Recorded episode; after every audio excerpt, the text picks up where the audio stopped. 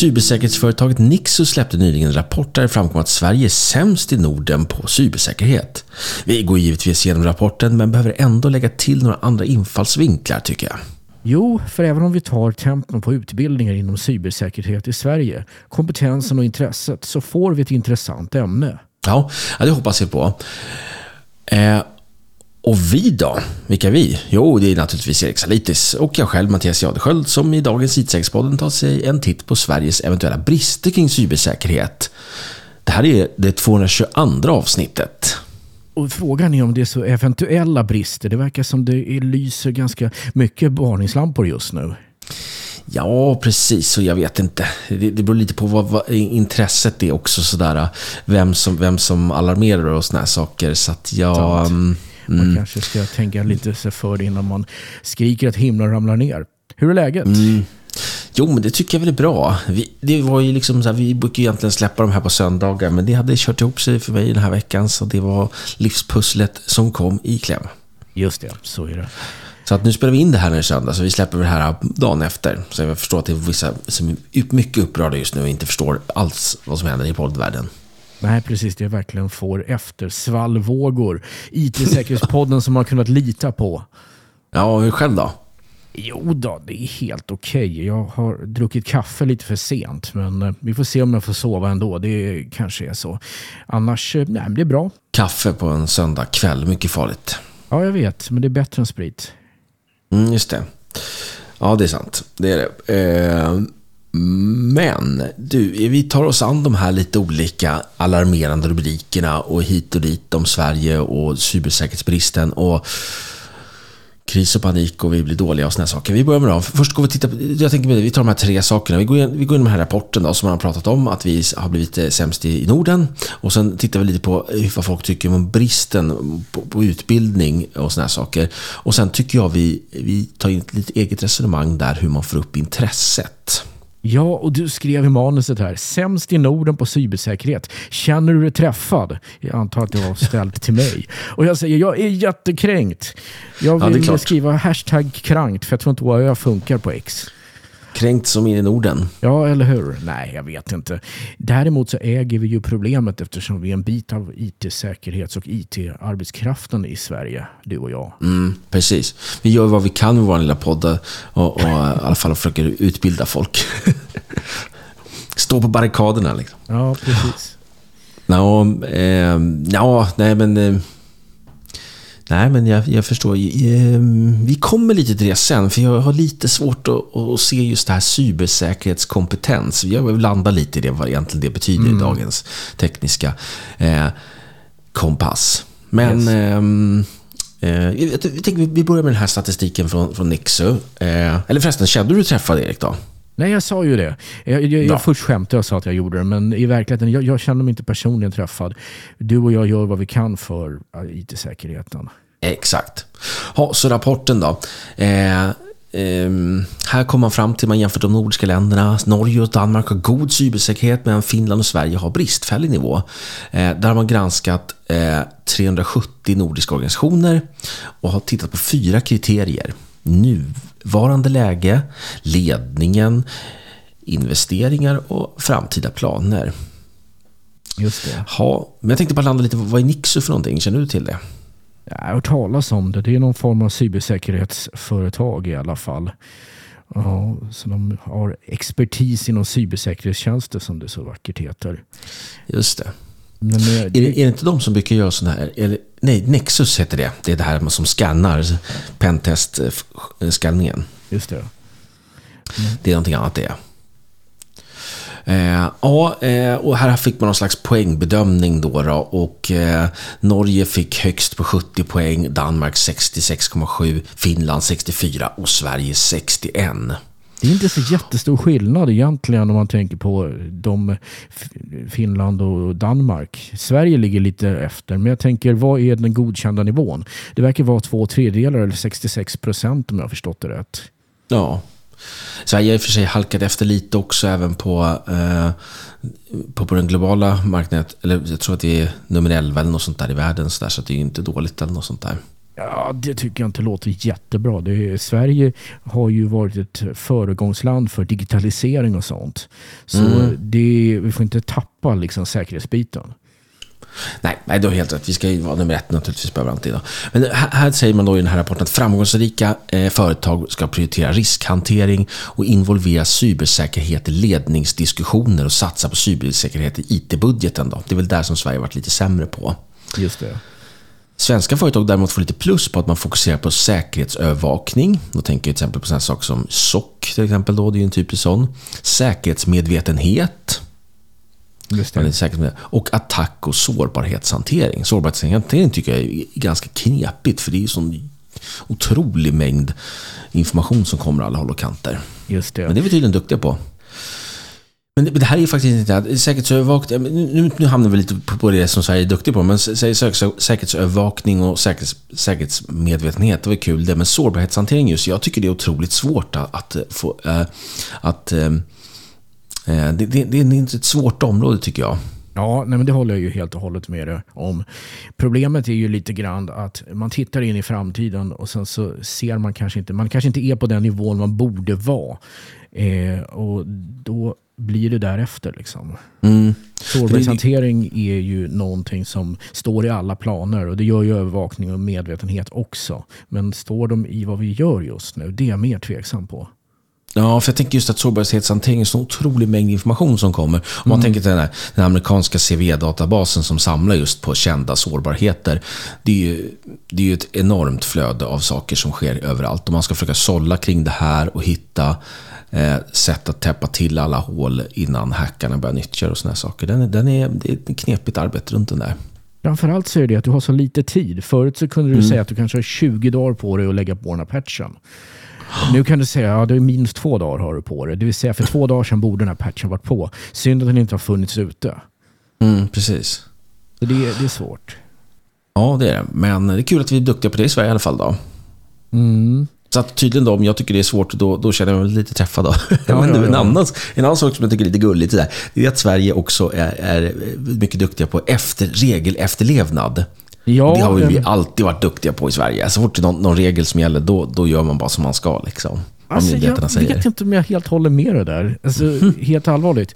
Man kan ju säga att man har två stycken extrema punkter. Det ena är alla regler gäller och det är inga undantag. Eller hej, ta det lugnt kompis. Vi kan alltid göra någonting här. Du får göra som du vill. Är, reglerna är bara till för folk som vill fö- följa dem. Sverige ligger någonstans mitt i. Vi är väldigt mycket för att regler ska följas. Men man kan ju göra ett litet av, avstick om det var så att det behövs. Ja, nej, jag vet inte. Jag tycker alltid det är så här. Ty- Typ om, typ om det ska byggas någonting i Sverige, då är det liksom alla, alla är gnä- gnälliga och överklagar hit och dit. Och sen när den väl börjar byggas, då bara, "Hopp, okej, det blir jättebra. Ja, klart. Ja, eller hur? Det är precis det jag säger. Ja, okej då. ja, ja, det var sådär. Ehm, Men det betyder ju då allt de andra delarna som ehm, eh, att man får upp eh, cybersäkerheten i ledningsdiskussionen och eh, in den i IT-budgeten får ju då Sverige lite sämre score på här då. då. Just det. Och det är ju det vi, vi är lite grann inne på hela tiden. Mm. Eh, ja, precis. Eh, och då tycker jag, då kan man tänka så här. eh, och här, här nämner de också bara som en liten parentes att övervakning och incidenthantering det är någonting som, som rankas högst då för att få högt poäng här. Eh, och att man då ska... ehm, ehm, men, man ser också att, att det är många eh, företag som planerar att utöka sina säkerhetsteam. Men att brist på kompetens är problemet. Ja, då kommer vi till den andra grejen. Hur löser vi problemet om vi inte har folk?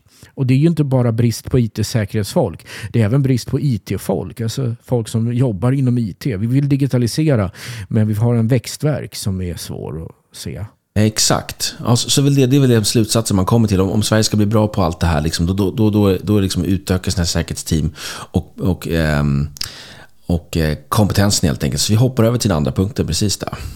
Just det. Får jag säga, komma med en liten kort inflikning där? Naturligtvis. Yes. Jo, jag tänker så här att vi lever ju i en exponentiell utveckling just nu. Om man tänker på bara för 200 år sedan så hade man häst och vagn, vilket man hade haft sedan antiken. Nu på 200 år har vi fått flygplan, vi har fått rymdraketer, vi har fått missiler, vi har fått internet och hela den biten. Och det är den Mm. utvecklingen vi lever just nu. Där tio år är mycket större skillnad på vad som finns och vad som inte finns. Än till exempel om man jämför 1800-talet. Eh, så att jag tycker personligen att... På tio år, vi, vi, vi har, både, har vi både fått Avatar och Avatar 2. Ja, just det. Ja, okej. Nej, right. ja, men, jo, jag förstår precis vad du menar. Men den här förändringen eh, är väldigt otrolig faktiskt. Ja. Men jag skulle nog vilja säga att den största förändringen... Undrar om det är expans, expansion... Nu ska vi se. Exponentiell. Ja, det är jag. Jag undrar om den är det verkligen. För jag, jag tänker också... Jag har, ju, jag har ju tragglat mig igenom mina drömmars stad. Nu kommer vi lite till sidospår igen. Ja, det gör vi. Jag skulle säga att i alla fall Sverige, den största... Eh, det är otroligt utveckling man har, man har gått i Sverige när man går från 1800-tal till, säg 50-tal. Liksom. Just det. Säg 18, 1850 till 1950, otroligt hopp. Liksom. Mm. Om man tänker sig, då, i början så var det ju, Sverige var extremt fattigt jordbruksland liksom, med, med häst och vagn, så där som du var inne på. Och 1950-talet så är man eh, tekniskt framstående i världen som Mm. med eh, ingenjörskonst och rikt land och allting. Liksom. Så att, eh, de som har levt under den tiden, vilket är några som har liksom gjort eh, de här stegen, alltså de har ju sett en otrolig framfart. Så jag vet inte riktigt. Då. Vi, kanske, vi kanske fortsätter på den här banan, att, att det är så, undrar hur det Man pratar ju om någonting som kallas för singulariteten.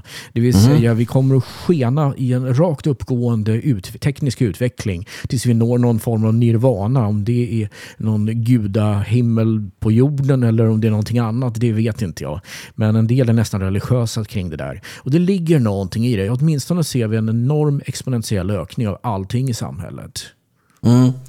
Eh, ja, jag tycker inte jag får riktigt de tendenserna när man, när man öppnar liksom, och, scrollar igenom eh, liksom första sidorna i tidningen att vi går på någon slags nirvana. Men jag, jag kanske ser lite mer för pessimistiska Nej, ögon då. nej vi, det är knepiga tider just nu. Så det visst är Ja. det så, men utvecklingen så länge den inte avbryts, den är exponentiell idag. Ja. Jag såg någon karta på de här um, Elon Musks eh, andra, en av hans företag, de här uh, Starlink. Just det. Det är ju som ett, det är som ett moln runt hela jordklotet som har skickat upp Mm. satelliter. Som en vit hinna runt hela planeten. Det är intressant för att eh, någon gång på början av 2000-talet fanns det något som hette Iridium. Och det Mhm. floppade. Det var faktiskt en av de företagen som gick under i den här kraschen med IT-bubblan och hela den biten. Mm. Så att eh, det, det kanske är rätt tid nu då, vad vet jag? Och, och vad menar du då? Ville de också skicka upp massa Ja, de, satelliter? Iridium hade ett nätverk av satelliter som skickades upp på en höjd där de störtade tillbaka till jorden. Men de fick vara igång ett tag. Och så fort några störtade ner så skickar man upp nya. Då. Och vad ska man med alla satelliter till? Det blir som ett internet där uppe. Det kan bli ett internet på ställen där du inte har kablade internet. Just Eh, det. Och det är, jag vet inte hur bra det är för att jag har varit lite grann involverad i satellitlänkar när vi jobbade på ett stort företag här för kanske 10-15 år sedan. Och Mm. det var fruktansvärt långsamt. Men det funkade, det gjorde det ju. Ja, det kanske blir bättre nu då. Vi får se. Ja, det där finns det ju säkert massvis med folk som har nördat ner sig i Elon Musks prylar. Det finns det absolut. Men vi försöker hoppa tillbaka var vi var någonstans då. Vi, vi, vi, vi, har, förstått, vi har förstått att vi i Sverige har, ligger, halkar efter lite i Norden. Och, och man menar då på att eh, det, det, nyckeln här är att utöka sina säkerhetsteam och öka kompetensen. Så nu kommer vi in på den här kompetenskartläggningen då. Eh, så här då, eh, ta lite statistik igen då. Sverige rankas som, som eh, EUs tredje mest digitaliserade land efter Danmark och Finland. Men ligger på 14 när det gäller cybersäkerhet i globalt. 14, jag sa 11 här tidigare avsnittet, men 14 alltså då. Ja, Mm. och jag tycker det är fascinerande. Vi har en väldig massa siffror. Och det, men det, däremot så ser man ju en samsyn i att Sverige håller på att halka ner lite grann. Så att, Ja, precis. Ja, det är ju massa listor hit och dit, men eh, det man ska komma ihåg då i alla fall att vi, att vi halkade efter, precis som du säger. Eh, men just att det är ganska högt tryck på ökad digitalisering i Sverige. Vi har ju väldigt högt tryck på det. Det gör, eh, det gör tydligen att, våran, eh, att, vi, att vi är mer sårbara för cyberattacker förstås. ja, det låter ju rimligt. Mm, för, det, för det vet man ju själv i alla fall att Sverige på det sättet, om man tänker alla våra myndighetstjänster, nästan allting är ju digitaliserat i Sverige. Ja, och det är så otroligt skönt och smidigt. Och mm. Bra på alla sätt, men det öppnar också en hel del säkerhetsproblem. Just därför att förut var du tvungen att få tag i papperna från ett dammigt arkiv. Nu kan du se allting. Jag hittade från mina, information från mina förfäder från en eh, databas som tydligen ligger öppen nu från eh, Stockholms eh, kommun. Okej. Okay. Ja, vad kul. Hittade du någonting intressant? Ja, man hittar ju befolknings Eh, alltså det som kallas befolkningsräkningen. Det gjorde man ju på 1880, 90 och 1900 tror jag.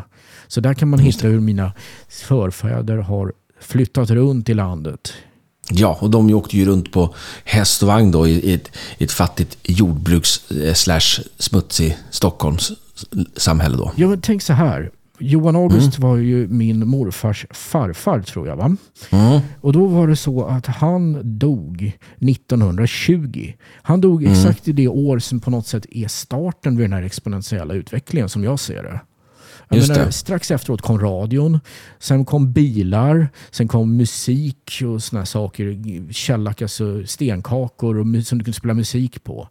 Och folkhemmet bildades som ett, som ett eh, begrepp 1930 också. Just det. Och hela den här biten, det fanns inte när han dog. Nej. Det, det skulle komma tio år senare ungefär. Mm. Ja, mäktigt i alla fall. Men du, eh, en annan fråga. Om vi lämnar dina, dina, ditt familjesläktträd eh, för en stund. Ja. Vad innebär det för dig, tycker du, att vara kompetent inom cybersäkerhet? Jag tycker det är sjukt brett. Ja, det är, det är också mitt svar. Du måste vara mm. bred. Du måste vara bred på vad du gör idag om du ska bli bra inom cybersäkerhet. Eh, jag menar, särskilt om du jobbar inom det röda teamet. För då måste du kunna veta hur du anfaller de flesta vanliga system. Mm. Men även för de som jobbar blått, så att säga. De som jobbar inom, i det här fallet menar jag typ säkerhet på den proaktiva sidan och den reaktiva sidan. Alltså jobba och skydda mot säkerhetsangrepp. Och det är som sagt sjukt brett. Och sen måste du dessutom vara väldigt eh, lyhörd när det kommer nya saker. Ja, men jag tycker också så här, vi, vi kommer in på lite olika sådana här saker. Jag ska köra lite prov med dig lite senare här i mm. slutet. Mm. Men eh, jag tycker också att i och med att säkerhet också, jobbar man inom IT-branschen framförallt, då, då, då blir ju säkerhet mer och mer integrerat i, i så otroligt mycket. Så att, att, säga att man kanske bara jobbar med säkerhet eller sådana här saker, det blir ju mera luddigt skulle jag vilja säga. Skulle man tycka. Mm. Men, men Säkerhetspolisen betonat behovet är, i alla fall att kunna ha en ökad motståndskraft mot hoten. Så någonstans där då kanske man ska tänka då om att man jobbar med säkerhet på något sätt. Då. Just det. Att, man, att man jobbar med en slags motståndskraft mot eventuellt ett hot. Och det behöver inte vara inom Säkerhetspolisen, men om man jobbar på ett företag till exempel. Att okej, okay, vi har en attack, en hotbild, hur jobbar jag mot den? Liksom. Och man menar då på att det är ett stort gap Eh, ungefär 70 000 personer saknas. Ibland har jag sett lite artiklar så på nätet att man menar 70 000 personer inom IT-säkerhet. Men det stämmer inte. Det är inom techbranschen som man menar det. Ja, IT-folk överhuvudtaget. Ja, men ibland så citeras den här rapporten då, som kommer från IT och telekomföretagen lite slarvigt. Mm. Eh, då säger man liksom att ja, det, det är cybersäkerhetsspecialister, 70 000 man saknar. Och det kan ju vara att folk säger så bara för att eh, ja, att man har intresse av att, att det ska kännas som att det är en extremt behövd kompetens. Liksom. Men det är ju även så att även om du bara jobbar inom IT, eller bara ska vi inte säga, men om du jobbar inom IT men inte direkt IT-säkerhet så kommer du ändå att hamna i flera säkerhetssituationer i ditt nya jobb. Liksom. Det går mm. inte att inte kunna säkerhet om du är inom IT. Nej, precis. Nej, exakt. Eh, Eh, och man menar på då också, eh, om man ska försöka få tag i de här liksom, kompetenserna, så, så, traditionella utbildningsvägar som, som ingenjör och sådana saker, det, det räcker inte för att TEP fylla det här kompetensgapet. Vissa företag gör eh, internutbildningar och skapar egna cybersäkerhetsexperter.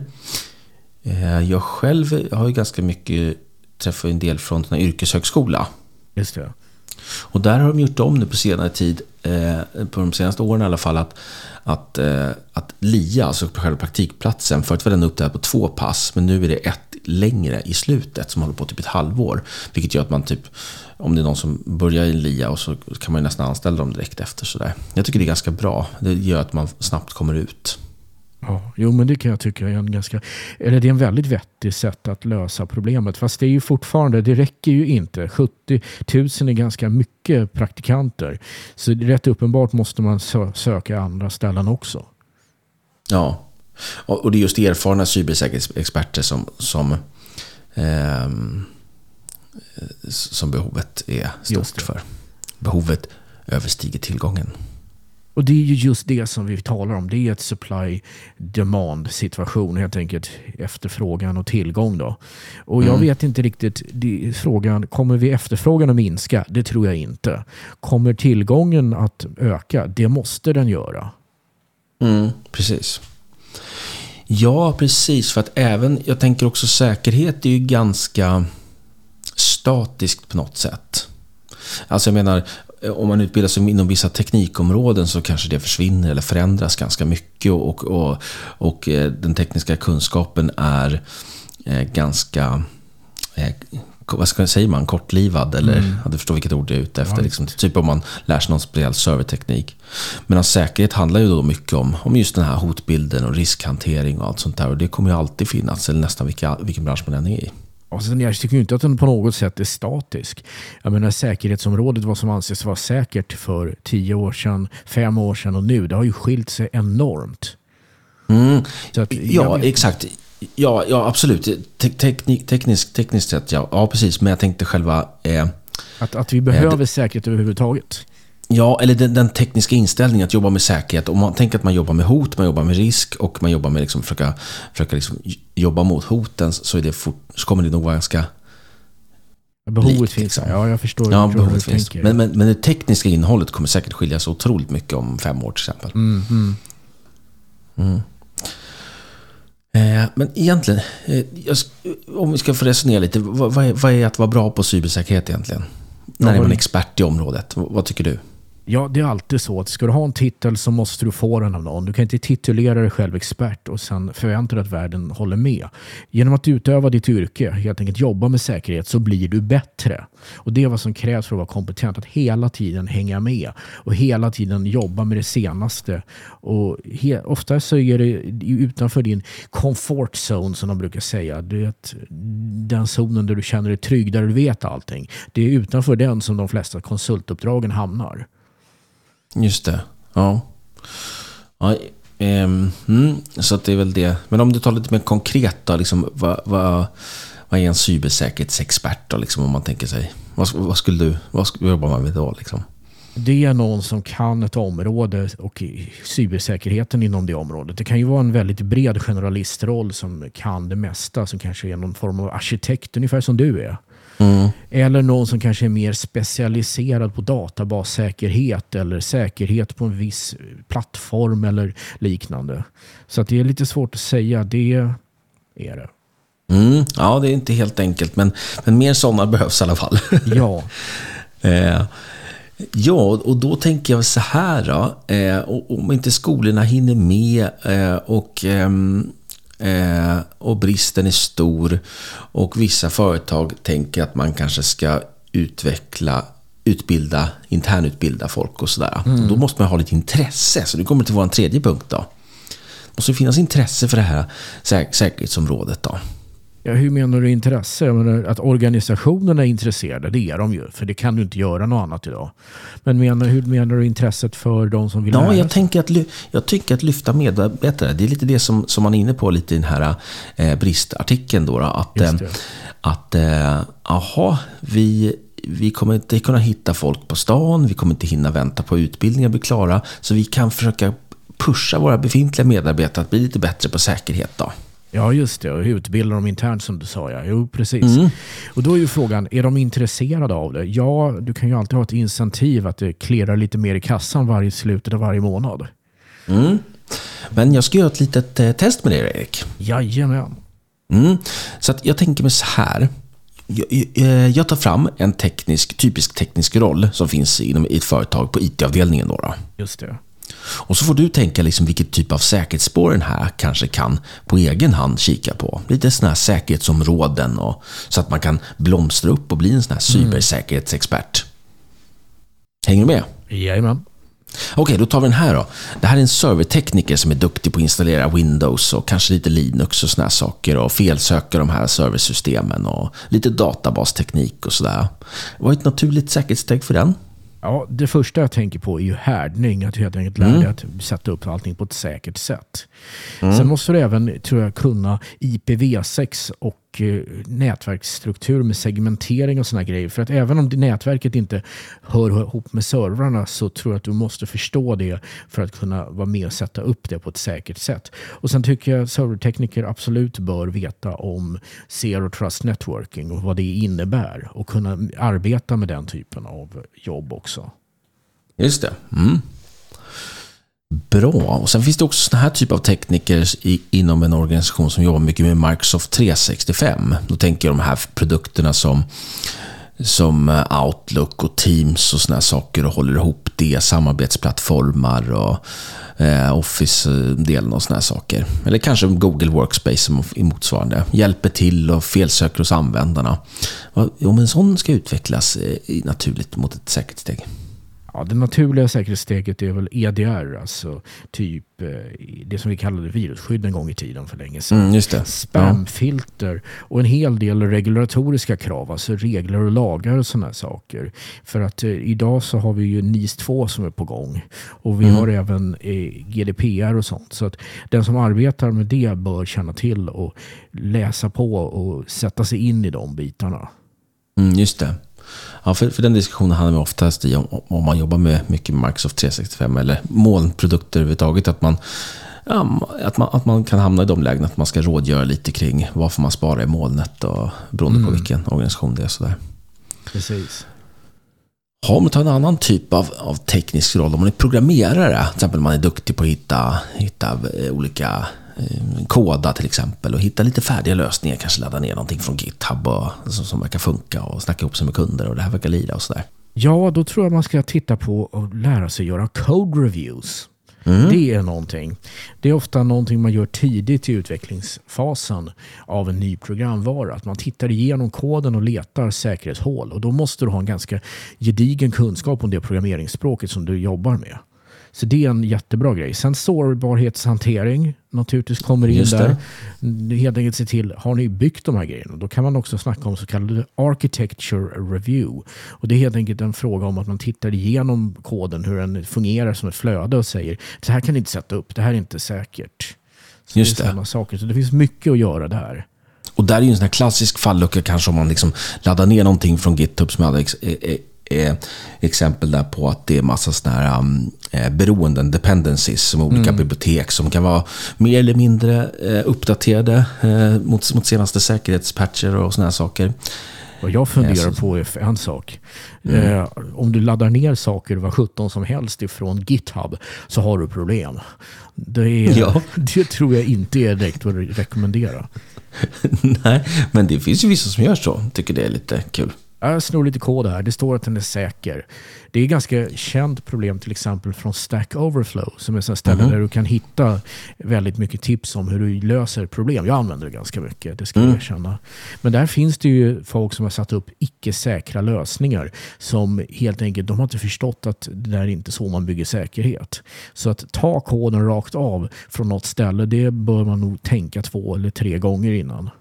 Just det. Ja, precis. För, för det kan ju vara så här, om jag söker på något sånt där, liksom, om jag ska, ja, men jag vill ha någon cool eh, bild snurra liksom. Karusell, sån här bildkarusell. Som mm. man ser på vissa webbsidor. Ja, men då finns det säkert en sån på, på Stack Overflow eller GitHub, någon som har laddat ner. Och så laddar man ner det, så är det massa kod. Och så då struntar man då i och tittar om hur, hur säkerheten är eller vad den andra funktionen. Och så bara skickar man in det. I värsta fall så får man med någonting som helt enkelt den som la upp det där menade att det skulle vara där. Kort mm. sagt, du har laddat ner och kört skadlig kod utan att förstå att den där koden är skadlig. Liksom. Mm. Men, men, då, om, men då för att vässa sitt CV där och sticka ut lite bland annat programmerare, då ska man kunna det här med lite sårbarhetshantering och det här code review som du sa då. Och Just det, och arkitekturgenomgång också kanske. Just det. Ja, men kul då. Får vi se. Jag hoppas kanske är någon som, som sitter just på den här hatten då, som kanske är lite sugen på att... Men då blir den ju platt. Du kan ju inte sitta på en hatt. Nej, just det. Och, och vi i säkerhetsbranschen, vår hatt är gjord av... Ja, jag vet inte. Folie. folie. Ja, just det. Det måste den ju vara. Så är det. Naturligtvis. Jaha du Erik, vi börjar lida oss mot, mot ett slut här. Vad kan vi säga för, för slutsats när, när vi har haft de här lite olika eh, tankarna då om att eh, Sverige är på glid i, i cybersäkerhetsnorden. Eh, vi har kompetensbrist och mm, ja, vi hade lite tips där på intresse. Vad, vad, vad kan vi dra för slutsats? Ja, om du hör det här och inte jobbar inom IT-branschen, fundera på att börja. Vi behöver förmodligen, eller vi är rätt säkra på att vi kommer behöva din hjälp. Samma sak om du jobbar inom IT-branschen så kanske du vill jobba inom IT-säkerhet för där behövs det mer personer och det höjer ju lönerna. Det får man också betänka om, om det är en motivation. Mm, just det. Ja, exakt. Eh... Det gäller att kalla så många som möjligt och försöka ge dem den utbildning de behöver på plats. För det är den situation vi sitter i. Mm. Ja, och sen tror jag också sådär att eh, oavsett om man är Eh, om man, om man vill gå hela spåret ut eller man, eller man vill fortsätta i sin lilla teknikområde så varför inte ta till sig lite säkerhetsinfallsvinkeln och när man fortsätter jobba med det. Liksom det, det som är på med. Bra. Mm.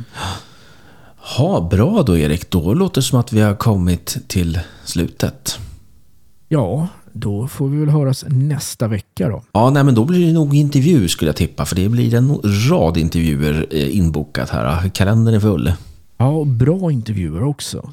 Ja, det tror jag. Ja.